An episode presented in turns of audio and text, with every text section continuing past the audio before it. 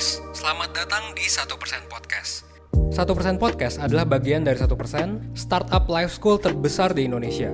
Dalam podcast ini kita bakal ngebahas topik-topik seputar kesehatan mental, pengembangan diri, serta edukasi life skills dengan tamu yang handal di bidangnya. Kami ingin kamu untuk bisa mendapatkan insight baru dan berkembang seenggaknya 1% setiap harinya. So that's all. Enjoy 1% Podcast untuk hidup seutuhnya.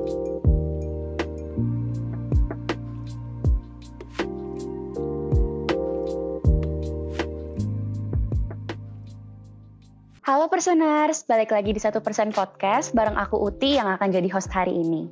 Gimana nih kabarnya semua? Semoga baik-baik aja ya. Hari ini aku antusias banget nih, karena selain ini kali pertama aku nge-host, hari ini kita bakalan membahas topik yang menarik banget. Jadi topik hari ini itu tentang be authentic, alias apa sih yang dimaksud diri yang autentik, gimana caranya, dan kenapa kita harus jadi diri yang autentik. Nah, untuk ngebahas itu semua, aku bakalan ditemanin salah satu psikolog dari kawan bicara, yaitu Kak Yofi. Halo Kak Yofi. Halo Mbak Uti. Selamat pagi. Gimana nih Kak kabarnya hari ini? Selamat pagi. Gimana Kak kabarnya hari ini? Alhamdulillah baik-baik saja. Kalau Mbak Uti gimana nih kabarnya? Alhamdulillah baik. Dan aku seneng banget sih Kak mau ngebahas topik ini. Soalnya aku ngerasa ini bermanfaat banget buat pendengar semuanya. Jadi langsung aja nih Kak. Jadi sebenarnya diri yang autentik itu maksudnya apa sih kak?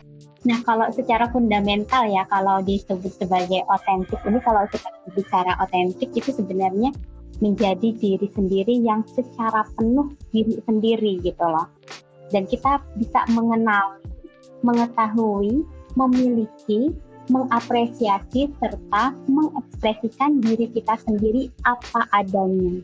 Seperti itu sih mungkin uh, selama ini kita sering mendengar tentang menerima diri kita sendiri apa adanya gitu ya, tapi uh, hanya sedikit orang yang bisa mengekspresikan. Padahal otentik ini tidak hanya kita mengenal tidak hanya menerima diri saja, tapi kita juga mampu loh untuk mengekspresikan diri kita, baik secara inner kita, apa yang terjadi di dalam diri kita, sampai kita bisa mengekspresikan secara keseluruhan kita sendiri seperti itu sih. Oh gitu. Ya jadi ini ya kak, aku tuh kan sering banget ya ngedenger kayak self love, self self acceptance gitu-gitu ya. Berarti itu kalau misalnya digabung semuanya itu membentuk diri kita yang autentik gitu ya kak?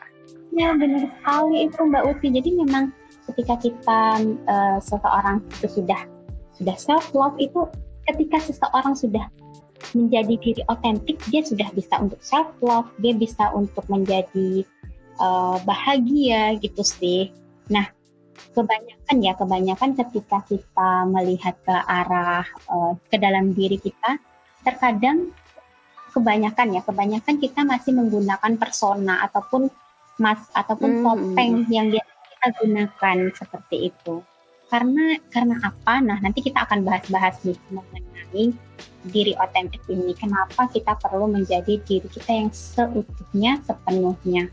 Ataupun bagaimana kita juga bisa self-love sehingga otentik ini nanti akan berkaitan erat dengan yang namanya self-love.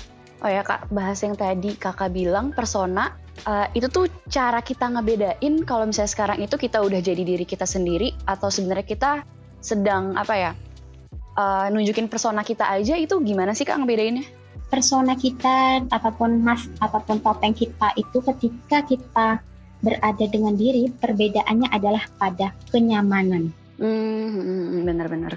Ya kita berada di suatu lingkungan ya. Kalau kita sedang tidak tidak senang dengan suatu kondisi ataupun suatu lingkungan, ketika kita menggunakan persona, mungkin ada di dalam inner dalam diri kita itu merasa tidak nyaman, kemudian juga rasanya itu kok rasanya berbeda sekali rasanya ini bukan aku iya bener banget sih kak soalnya aku juga pernah ngerasain kayak gitu sih kayak dulu aku tuh membatasi diriku banget gitu untuk mengekspresikan diri cuman ketika aku belajar lebih banyak tentang menerima diri dan mengekspresikan diri jujur sekarang aku juga ngerasa lebih nyaman sih kak lebih apa ya ya lebih pede juga gitu untuk apa ya menunjukkan diri aku gitu sih iya iya iya Iya, uh, bukan hanya Mbak Uti aja loh yang seperti itu. Sebenarnya mm -hmm. Mbak Yofi ini juga mm-hmm. uh, pernah juga mengalami hal seperti itu karena sebenarnya gini loh ketika kita membahas otentik otentik itu perjalanannya tuh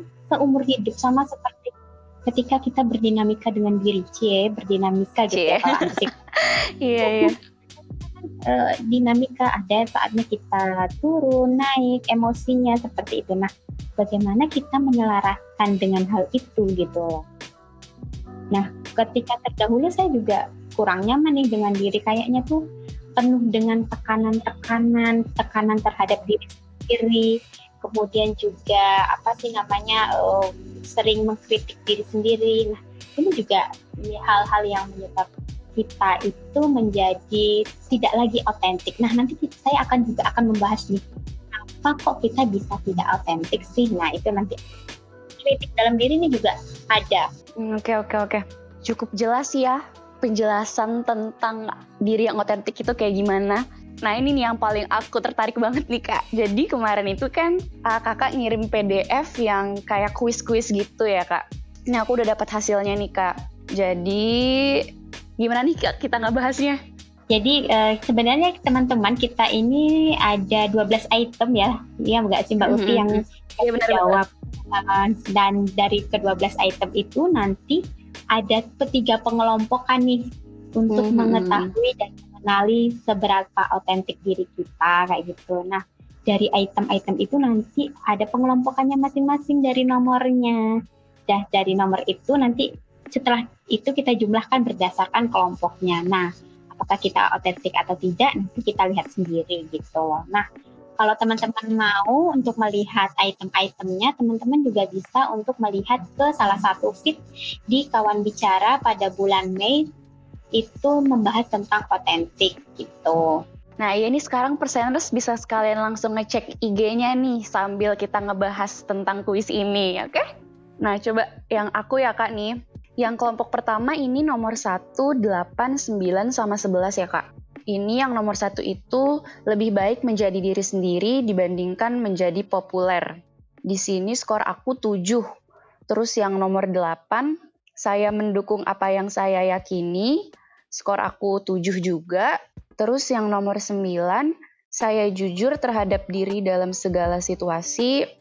Itu skor aku 6. Terus nomor 11, saya hidup sesuai dengan nilai dan kepercayaan saya itu aku skornya 7. Jadi kalau ditotalin kelompok pertama itu skornya 27, Kak. Gimana okay. itu, Kak? Artinya apa tuh, Kak? Oke, okay, kalau kita melihat uh, di skor saat nomor 1, 8, dan 9, dan 11 itu merupakan wilayah menjadi diri sendiri. Be yourself. Mm -hmm. Dan mm -hmm. artinya ketika Mbak Uti dapat nilai skor 27, artinya ternyata Mbak Uti itu sudah menjadi diri sendiri loh. Wow. asik asik asik. Ya.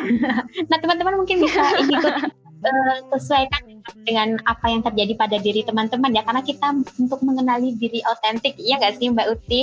Iya benar banget benar banget. Terus kalau yang kelompok dua ini kak ini tentang apa nih kak? Kalau kelompok dua itu mengenal wilayah mengenali diri kita sendiri. Jadi kalau misalnya aku misalnya skor yang di kelompok A udah tinggi, di kelompok 2 dan 3 itu tetap harus dijumlahin kakak? Dijumlahkan. Oke oke. Jadi kalau yang di kelompok 2 ini skor aku 5 kak. Ini kan nomor 2 itu saya tidak tahu apa yang saya lakukan. Skor aku 1, yang nomor 7 saya tidak mengenal diri dengan baik. Skor aku 2, Terus nomor 10, saya merasa tidak terhubung dengan diri saya yang sebenarnya. Skor aku satu. Terus yang nomor 12, saya merasa asing dari diri saya sendiri. Itu satu juga. Oke, ini Jadi, adalah wilayah skornya 5 ya. Oke, wilayah yang berkebalikan sebenarnya. Jadi ini kalau kita pakai skor, ini adalah uh, terbalik gitu ya untuk favorable dan unfavorable. Hmm, sebenarnya iya, iya unfavorable-nya. Jadi ketika Mbak Uti mm-hmm. bilang aku kok skornya kecil, oh itu adalah suatu hal yang yeah. Terus sebenarnya gitu ya. Artinya ketika mm-hmm. Mbak Uti mendapatkan skor 5, justru Mbak Uti ini sudah mengenal diri sendiri loh. Tapi iya sih, Kak, aku juga ngerasa uh, ini kayak kebalikannya banget gitu dari yang kelompok satu. Jadi skornya kecil, Iya. Terus yang kelompok tiga ini kan nomor tiga, empat, lima, dan enam. Kalau yang tiga itu saya sangat mudah terpengaruh oleh pendapat orang lain. Itu aku skornya dua. Yang nomor empat, saya biasa melakukan apa yang orang katakan kepada saya. Skornya empat juga. Nah ini soalnya ini nih kak, kan berkaitan sama kayak kalau misalnya kerja atau kuliah gitu kan, aku tuh jadi mikir, emang sekarang aku tuh banyak ngelakuin ngelakuin sesuatu itu based on order sih. Jadi aku nggak bisa kayak seenaknya sendiri. Jadi makanya ini aku rada bingung nih ngisinya gimana. Akhirnya lumayan tinggi nih kak. 4 skornya. Terus yang nomor 5 saya selalu merasa harus melakukan apa yang orang lain harapkan kepada saya. Ini aku skornya 2 dan 6 orang lain sangat mempengaruhi saya aku nulisnya skornya 2. Jadi totalnya ada 10 skornya untuk kelompok yang C. Oke, kalau yang di kelompok ini itu adalah kelompok untuk memiliki diri sendiri gitu ya.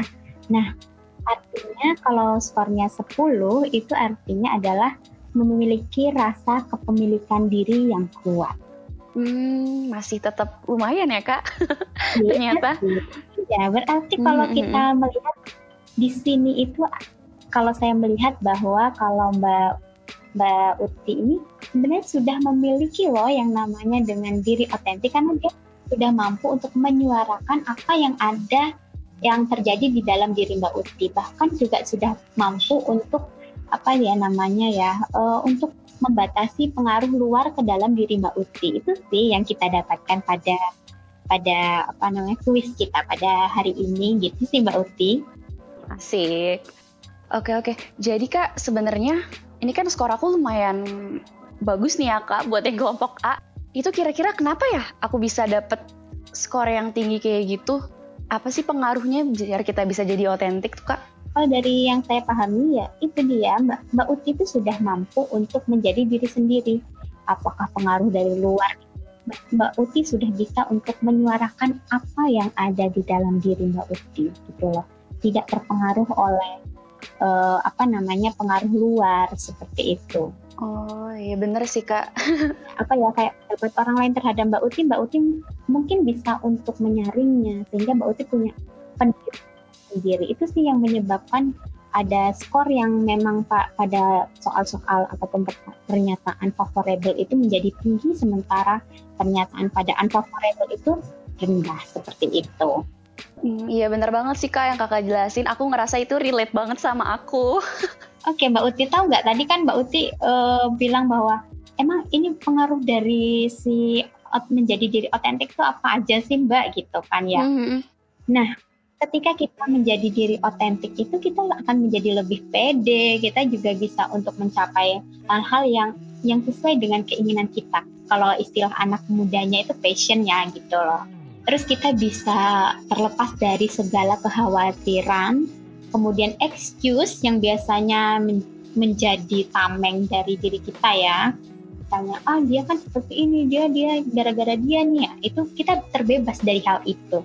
Terus kita juga bebas dari opini orang lain. Kemudian kita juga terbebas dari hal-hal yang bersifat manipulasi gitu ya, kayak mengelabui diri sendiri terutama seperti itu. Hmm, iya ya sering tuh kak. Iya kan jadi memang seperti itu sih. Aku juga dulu tuh aku tuh baik-baik aja. Padahal di dalam diriku aku berkecamuk luar biasa. Seperti itu. Nah otentik itu adalah ya ya udah ketika bukan ya udah ya maksudnya ketika kita menjadi otentik kalaupun kita tidak baik-baik saja kita tahu bahwa oh diriku tidak sedang tidak baik-baik saja nih. I'm not well. Mm -hmm Iya iya. Iya bener banget sih kak. Soalnya aku juga ngerasain tuh kak. Apa ya? Dulu tuh sebenarnya aku ngerasa aku udah punya self acceptance dan self love yang uh, besar gitu dari dulu. Nah tapi aku tetap ngerasa kurang bahagia. Nah aku tuh baru nyadarin baru-baru ini kak kalau misalnya aku tuh sering ngebohongin diriku sendiri kayak kalau misalnya aku lagi nggak baik-baik aja atau banyak emosi negatif yang aku rasain itu aku tuh nggak mau nerima gitu loh kak kayak uh, hal-hal buruk dari diriku, aku tuh masih susah untuk nerimanya gitu kak. Padahal kan itu bagian dari menjadi diri yang autentik juga ya kak. Dari yang aku tangkap sih kak, berarti sebuah perjalanan untuk menjadi diri yang autentik itu emang panjang banget dan berlangsung mungkin seumur hidup ya kak untuk mencari jati diri kita yang sebenarnya. Jadi bisa aja ya kak sebenarnya kalau kita maksain diri kita, ah aku harus jadi diri yang otentik terus-terusan malah berujung malah jadi palsu gitu ya kak. Jadi otentiknya itu nggak terasa real gitu ya kak. Tapi kak, sebenarnya apa sih yang nyebabin seorang itu bisa nggak otentik gitu? Jadi kalau misalnya dia pas udah dewasa, dia itu uh, belum menjadi diri yang otentik, itu ada kaitannya dari masa kecilnya kakak atau gimana? Iya, ternyata dari kita dalam pengasuhan dan juga banyak institusi ataupun kalau kita melihat kepada teori ekologi ya kan banyak hal yang mempengaruhi diri kita sendiri baik itu dalam si mikrosistem kita seperti keluarga kemudian juga lingkung lingkupan yang lebih besar kayak makrosistem kita baik itu dunia hibur kemudian dunia politik itu juga mempengaruhi kita gitu loh. Itu artinya apa? Ternyata memang kita ini hidup dengan apa ya, dengan hal-hal yang berkaitan dengan tuntutan yang terjadi di luar. Dan kalau kita kembali ke belakang, misalnya kayak kita ke masa kecil kita, bagaimana pengasuhan orang tua itu ataupun baik kita di sekolah itu kita diminta untuk menjadi anak yang baik, ya enggak sih? kamu kalau bisa menyelesaikan ini kamu baik deh kalau kamu gak ngerepotin orang tua kamu anak yang baik kita itu kayak nerima hal itu tuh ya pada awalnya itu memang kita terima terima-terima saja. Karena itu merupakan ya bagaimana cara orang tua mengajarkan kepada kita mengenai berbagai hal. Ya nggak sih? Terus tapi karena kita ini adalah manusia yang berproses dan juga berpikir, kita itu jadi sudah terpatri pada aku harus menjadi anak yang baik, menjadi anak yang baik bagi lingkunganku.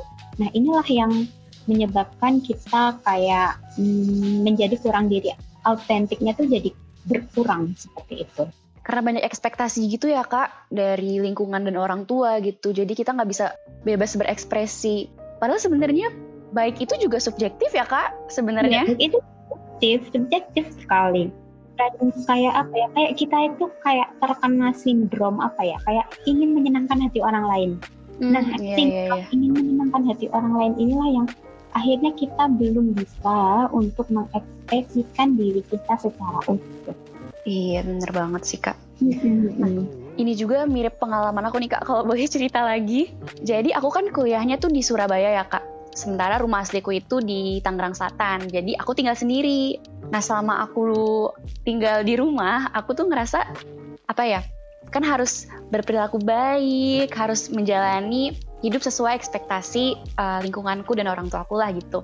Nah sejak aku pindah ke Surabaya, aku ngerasa wah udah bebas berekspresi nih dan harus survive juga kan kak tinggal sendiri di luar harus nyari-nyari cara buat bisa bertahan hidup gitu sendiri di luar. Jadi aku lebih ngerasa, wah aku bisa mengenali diriku sendiri, aku bebas berekspresi karena yang aku pikirkan hanya diriku sendiri gitu. Jadi aku mulai bisa belajar untuk menjadi diri sendiri pas aku di luar kota. iya, iya, aku juga seperti itu kok gitu kan. Mbak Yofi juga pernah seperti itu ketika aku waktu SMA ya. Jadi memang lingkunganku itu kompetitif ya. Jadi ketika itu aku kurang bisa untuk mengekspresikan diriku. Jadi aku tuh kayaknya tuh uh, kurang mampu untuk menjadi aku yang misalnya Mbak Yofi yang uh, lebih ceria gitu. Karena tertekan ternyata memang tekanan ketika kita berada di suatu tempat itu memang memang bisa mempengaruhi kita banget gitu loh. Dan kita juga bisa uh, tidak tidak tidak lagi menyenangkan dengan diri kita sebenarnya gitu loh Uh, tapi kak sebenarnya ada nggak sih cara biar kita itu bisa menjadi diri yang autentik? Cara-cara tertentu gitu kak? Bisa, kita bisa menjadi diri-diri uh, men bisa menjadi diri yang autentik nih. Tapi uh, ada tadi kan uh, baru satu ya yang aku sebutin terkait dengan apa namanya mengenali diri kita sendiri, memiliki diri kita sendiri. Kok bisa sampai kita sampai seperti ini sih? Sebenarnya ada lagi sih selain dari pengalaman terkait dengan menjadi anak yang baik ya gitu ya. Maksudnya adalah kita ingin menyenangkan hati orang lain kita juga kita tuh sering banget nggak sih kayak dibandingkan dengan uh, dengan orang lain. Nah, itulah juga yang menyebabkan kita menjadi kurang otentik gitu loh. Karena kita merasa bahwa diri kita ini akhirnya ya aku jelek deh. Terus akhirnya kita jadi mengkritik diri sendiri ngeblame terhadap diri kita sendiri. Nah ini loh yang paling kuat banget kenapa kita tidak tidak bisa mengekspresikan ataupun kita tidak bisa menjadi diri yang otentik. Ngeblaming ini loh yang biasanya banyak kita lakukan. Aku juga ngerasa gitu sih kak, apa ya, kayak menurutku penting banget untuk kita selalu apa ya ngasih afirmasi ke diri sendiri yang baik-baik gitu, yang positif. Kayak aku bisa kok sebenarnya, aku baik kok sebenarnya itu gitu. Aku selalu meyakini itu ke diriku sendiri gitu sih kak. Kayak apa ya, law of law of attraction gitu nggak sih kak? Kayak apa yang kita ucapkan ke diri kita, alam bawah sadar kita juga bakalan ngerekam dan benar-benar melakukan apa yang sebenarnya kita ucapin. Karena begini loh, law of attraction itu sangat erat kaitannya dengan yang namanya restrukturisasi kognitif. Ketika kita sudah memikirkan sesuatu hal yang buruk, itu isinya akan keburukan terus ya. Sementara yang kita lihat itu biasanya hanya satu kejadian atau dua kejadian yang mungkin itu memang memang signifikan terhadap diri kita, tapi bukan berarti itu tidak bisa kita ubah gitu loh. Sebenarnya kita bisa ubah, bukan berarti nggak bisa. Selama ini misalnya ya, ketika kita melihat pada suatu kegagalan, kita biasanya tuh terpaku pada gagalnya itu aja. Padahal mungkin pada waktu sebelum-sebelumnya kita mampu untuk menghadapi hal itu. Karena mungkin ada beberapa uh, hal yang menyebabkan kita tidak tidak tidak baik dalam performansi kita saat itu. Mungkin hal itulah yang menyebabkan gagal. Mungkin seperti itu. Tapi bukan berarti kamu adalah produk yang gagal gitu. Kamu bukan ah, produk iya, gagal banget. gitu wah keren banget kak. Seperti itu mbak Yofi juga melawan ketakutan. Nah ini loh. Ini menjadi salah satu hal yang mungkin perlu kita pelajari di dalam otentik. Karena ketakutan-ketakutan terhadap diri kita sendirilah yang biasanya menyebabkan kita itu tidak otentik. Karena kita memiliki sudah memiliki ketakutan dan kita sudah membayangkan ketakutan itu pasti akan terjadi. Padahal apakah sudah terjadi belum tentu ya. Itu dia. Terkadang belum tentu. Bahkan belum terjadi. Bahkan mungkin tidak pernah terjadi. Iya benar banget. Gitu. Karena ya ya ya hal-hal yang menakutkan itu memang menakutkan gitu. Tapi kita bisa kok untuk menjadi diri yang otentik dengan cara berpikir bahwa oh ya aku akan menjalani ini dengan hati yang lapang perlu untuk memusatkan perhatian kita pada saat ini dengan tidak memikirkan secara terus-menerus apa yang telah terjadi di masa lalu. Jadi kayak Bener mindful banget, ya. Jadi lebih ke fokus ke yang ada saat ini di depan kita, bukan yang ada di masa lalu dan bukan yang belum terjadi di masa depan ya kak? Iya. Dan kita nggak perlu untuk menjadi mind reader gitu loh. Kita nggak perlu untuk mm -hmm. menjadi apa ya namanya itu kayak Mama Loren gitu ya. Maksudnya kita memprediksi iya, kak. gitu loh. Mm -hmm. Karena kita masih manusia biasa, kita masih bisa berproses, kita masih bisa untuk mengusahakannya gitu kan dan salah juga nggak apa-apa ya kak gagal atau salah juga sebenarnya nggak apa-apa ya itu hal yang normal itu adalah hal yang wajar ketika kamu salah ketika kamu gagal itu adalah proses manusiawi tidak tidak selamanya kegagalan itu akan akan membuatmu menjadi uh, orang yang gagal bukan iya bener banget itu yang aku suka banget tuh dari kata-kata Kak Yofi tadi kegagalan yang kita lakukan tidak menjadikan diri kita orang yang gagal. Iya. Keren banget. Wah, harus jadi quotes of the day tuh, Kak. Aduh. Bener ya, banget. Aku, apa ya, aku juga sedang berusaha loh teman-teman. Bukan berarti aku nggak apa ya, nggak mengalami kegagalan. Apakah Mbak Yopi sering mengalami kegagalan? Sering juga gitu loh. Iya, jadi walaupun Kak Yofi sebenarnya udah psikolog dan udah udah paham banget lah sama hal, hal semacam ini tetap juga bisa merasakan hal itu ya kak karena itu normal banget gimana kita yang orang biasa ya kan jadi kata-kata orang yang kita itu mau jadi apa dan gimana itu tergantung kita sendiri Karena emang kita yang bisa mengontrol diri kita sendiri kan kak. Jadi kita lebih baik fokus sama hal yang bisa kita kontrol dibandingkan hal yang nggak bisa kita kontrol ya kak. Iya, gitu sih. Jadi terkadang pun saya juga menerapkan doa serenity prayer ya mungkin yang bagi teman-teman yang uh, beragama katolik, katolik ataupun Kristen mungkin sering untuk mendengar hal itu gitu loh. Jadi kayak doa kebijaksanaan gitu. Saya saya seorang muslim, saya, tapi saya sering menggunakan doa itu karena saya ingin sekali bisa untuk apa ya? Ini doanya itu adalah saya Tuhan berilah aku kebijaksanaan untuk menerima hal-hal yang tidak bisa aku ubah. Terus juga Tuhan bantulah aku untuk menerima hal-hal yang bisa aku ubah dan bisa membedakan di antara keduanya. Mungkin apa ya, tampaknya mungkin sederhana, tapi bagiku itu wow, nyentil banget di hati aku. Iya, benar banget kak. Iya. Seperti itu. Oke, lanjut ya kak ke yang dari tadi udah kita bahas. Ini kalau misalnya aku bisa menyimpulkan ya kak, kalau misalnya kita udah menjadi diri kita sendiri yang autentik, kita bakalan bisa lebih bahagia. Tapi sebenarnya kaitannya, kalau boleh kakak jelasin lagi ya, sebenarnya kaitannya apa sih? Kenapa menjadi diri yang otentik bisa membuat hidup kita lebih bahagia? Kenapa menjadi diri otentik bisa membuat kita lebih bahagia? Ini karena kita mampu untuk mengintegrasikan ataupun kita mampu untuk uh, menyatukan antara apa yang terjadi di dalam diri kita dengan bagaimana kita mengekspresikan diri kita sendiri. Jadi ketika kita menjadi real itu ya ya ya udah ketika mendapat kritikan kita mampu loh untuk menerima hal itu dari orang lain misalnya seperti itu sehingga kita ketika kita mendapatkan kritikan itu kita secara terbuka saja bahwa oh ya itu memang terjadi pada diriku oh ya nggak apa-apa. Dan apakah aku bisa untuk mengubahnya? Kita jadi lebih legowo gitu loh untuk bersikap terbuka gitu. Misalnya aja kayak um, terkait dengan masa lalu. Mungkin banyak sekali masa lalu yang tidak menyenangkan. Misalnya seperti itu ya.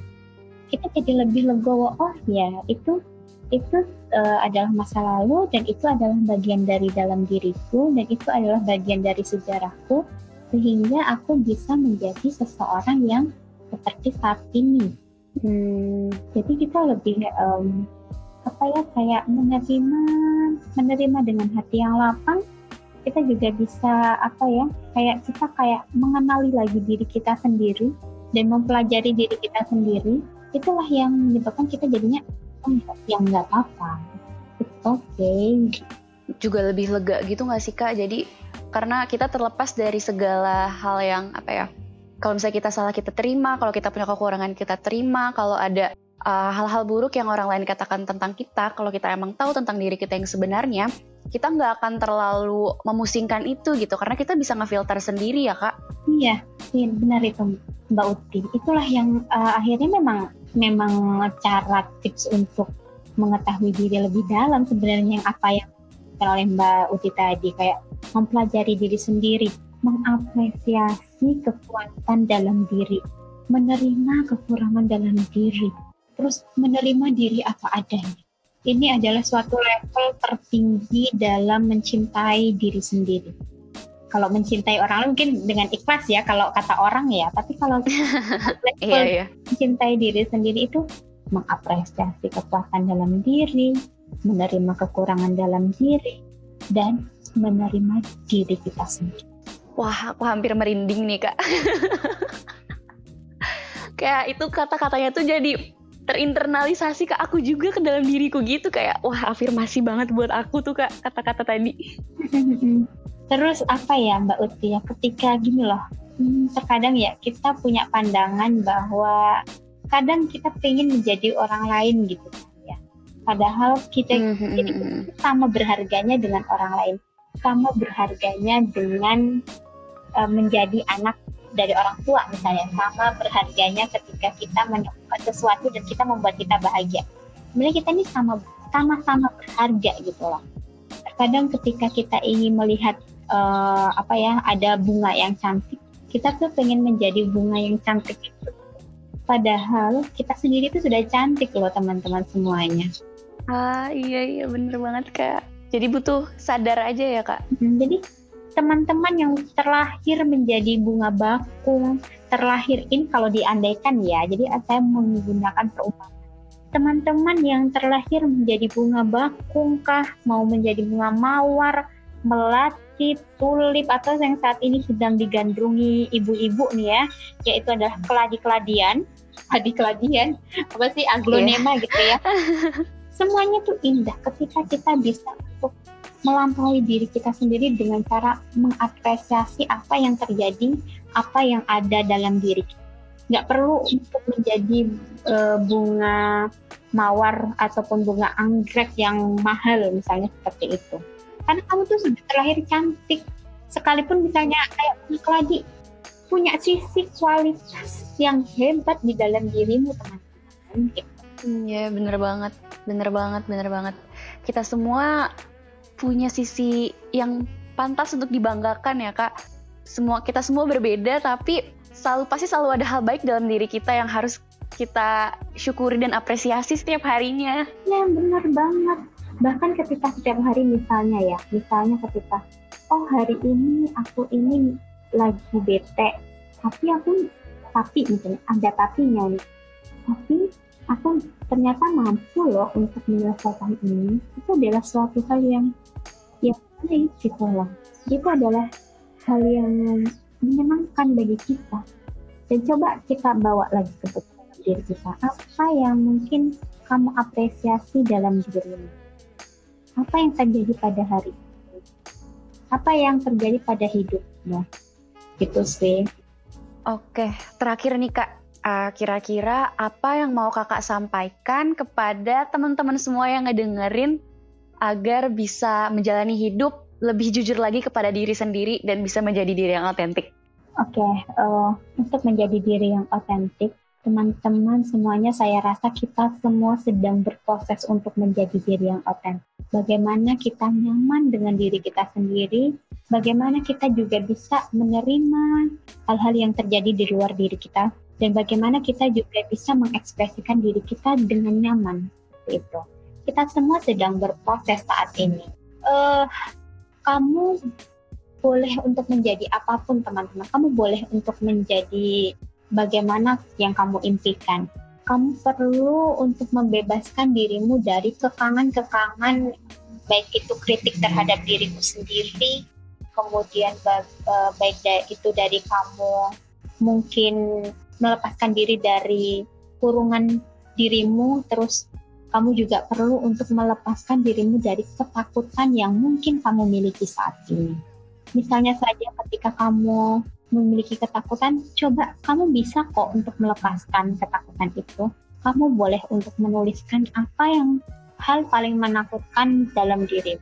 Terus kamu nanti bisa memvisualisasikan bagaimana kamu membuang uh, ketakutan itu. Kalau kamu mau bermain-main dengan visualisasi boleh, atau kamu boleh untuk mengunjungi psikolog ataupun konselor ataupun apa ya um, seorang uh, agamawan gitu ya misalnya. Baik itu misalnya apakah itu Pak Kiai, pendeta untuk membantumu misalnya ketika kamu mengalami hal-hal yang yang tidak menyenangkan, kamu boleh untuk berbagi hal itu gitu. Tidak perlu takut untuk uh, menjadi diri sendiri karena kamu uh, seperti yang saya sampaikan kamu itu terlahir indah. Seperti apa pun dirimu. Apakah masa lalumu buruk apakah masa lalumu baik kamu itu tetap indah. Kamu sedang berproses. Yakini bahwa apa yang kamu miliki saat ini adalah hal yang patut kamu banggakan dalam dirimu. Menangkan banget kak. Menenangkan banget untuk didengar. Makasih ya kak Oke. Oke, untuk nyimpulin perbincangan aku dan Kak Yofi hari ini, menjadi diri yang otentik itu nggak selalu bisa menyenangkan orang lain. Menjadi diri otentik berarti kita jujur dan merasa nyaman dengan diri kita sendiri, sekalipun tantangannya selalu ada. Menjadi diri yang otentik artinya mampu untuk menerima diri sendiri dari segala kelebihan dan kekurangan diri. Memiliki otoritas terhadap diri sendiri dan mampu mengekspresikan diri. Oke, perseners, kalau misalnya setelah mendengarkan podcast kita hari ini kamu merasa apakah aku udah menjadi diriku yang otentik atau kamu ingin uh, menanyakan tentang diri kamu sendiri, kamu bisa konseling dengan psikolog atau mentor di satu persen ataupun psikolog di kawan bicara ya. Thank you banget buat semuanya yang udah dengerin. Semoga podcast kita hari ini bermanfaat untuk kalian semua. Thank you banget ya Kak Yofi. Hari ini aku merasa apa ya tenang dan terbuka banget pikirannya yeah. dari perbincangan kita hari ini. Makasih banget ya Kak untuk waktunya. Ya, sama-sama. Saya juga terima kasih juga da, uh, kepada teman-teman dari satu persen juga sudah mengundang saya sebagai pembicara pada kesempatan kali ini ya. Dan saya juga berharap semoga kita sama-sama belajar ya teman-teman semuanya ya untuk menerima diri kita. Yap, betul banget. Oke, aku sudahi dulu podcast hari ini. Sampai jumpa di episode podcast 1% berikutnya. Dadah! Sampai jumpa!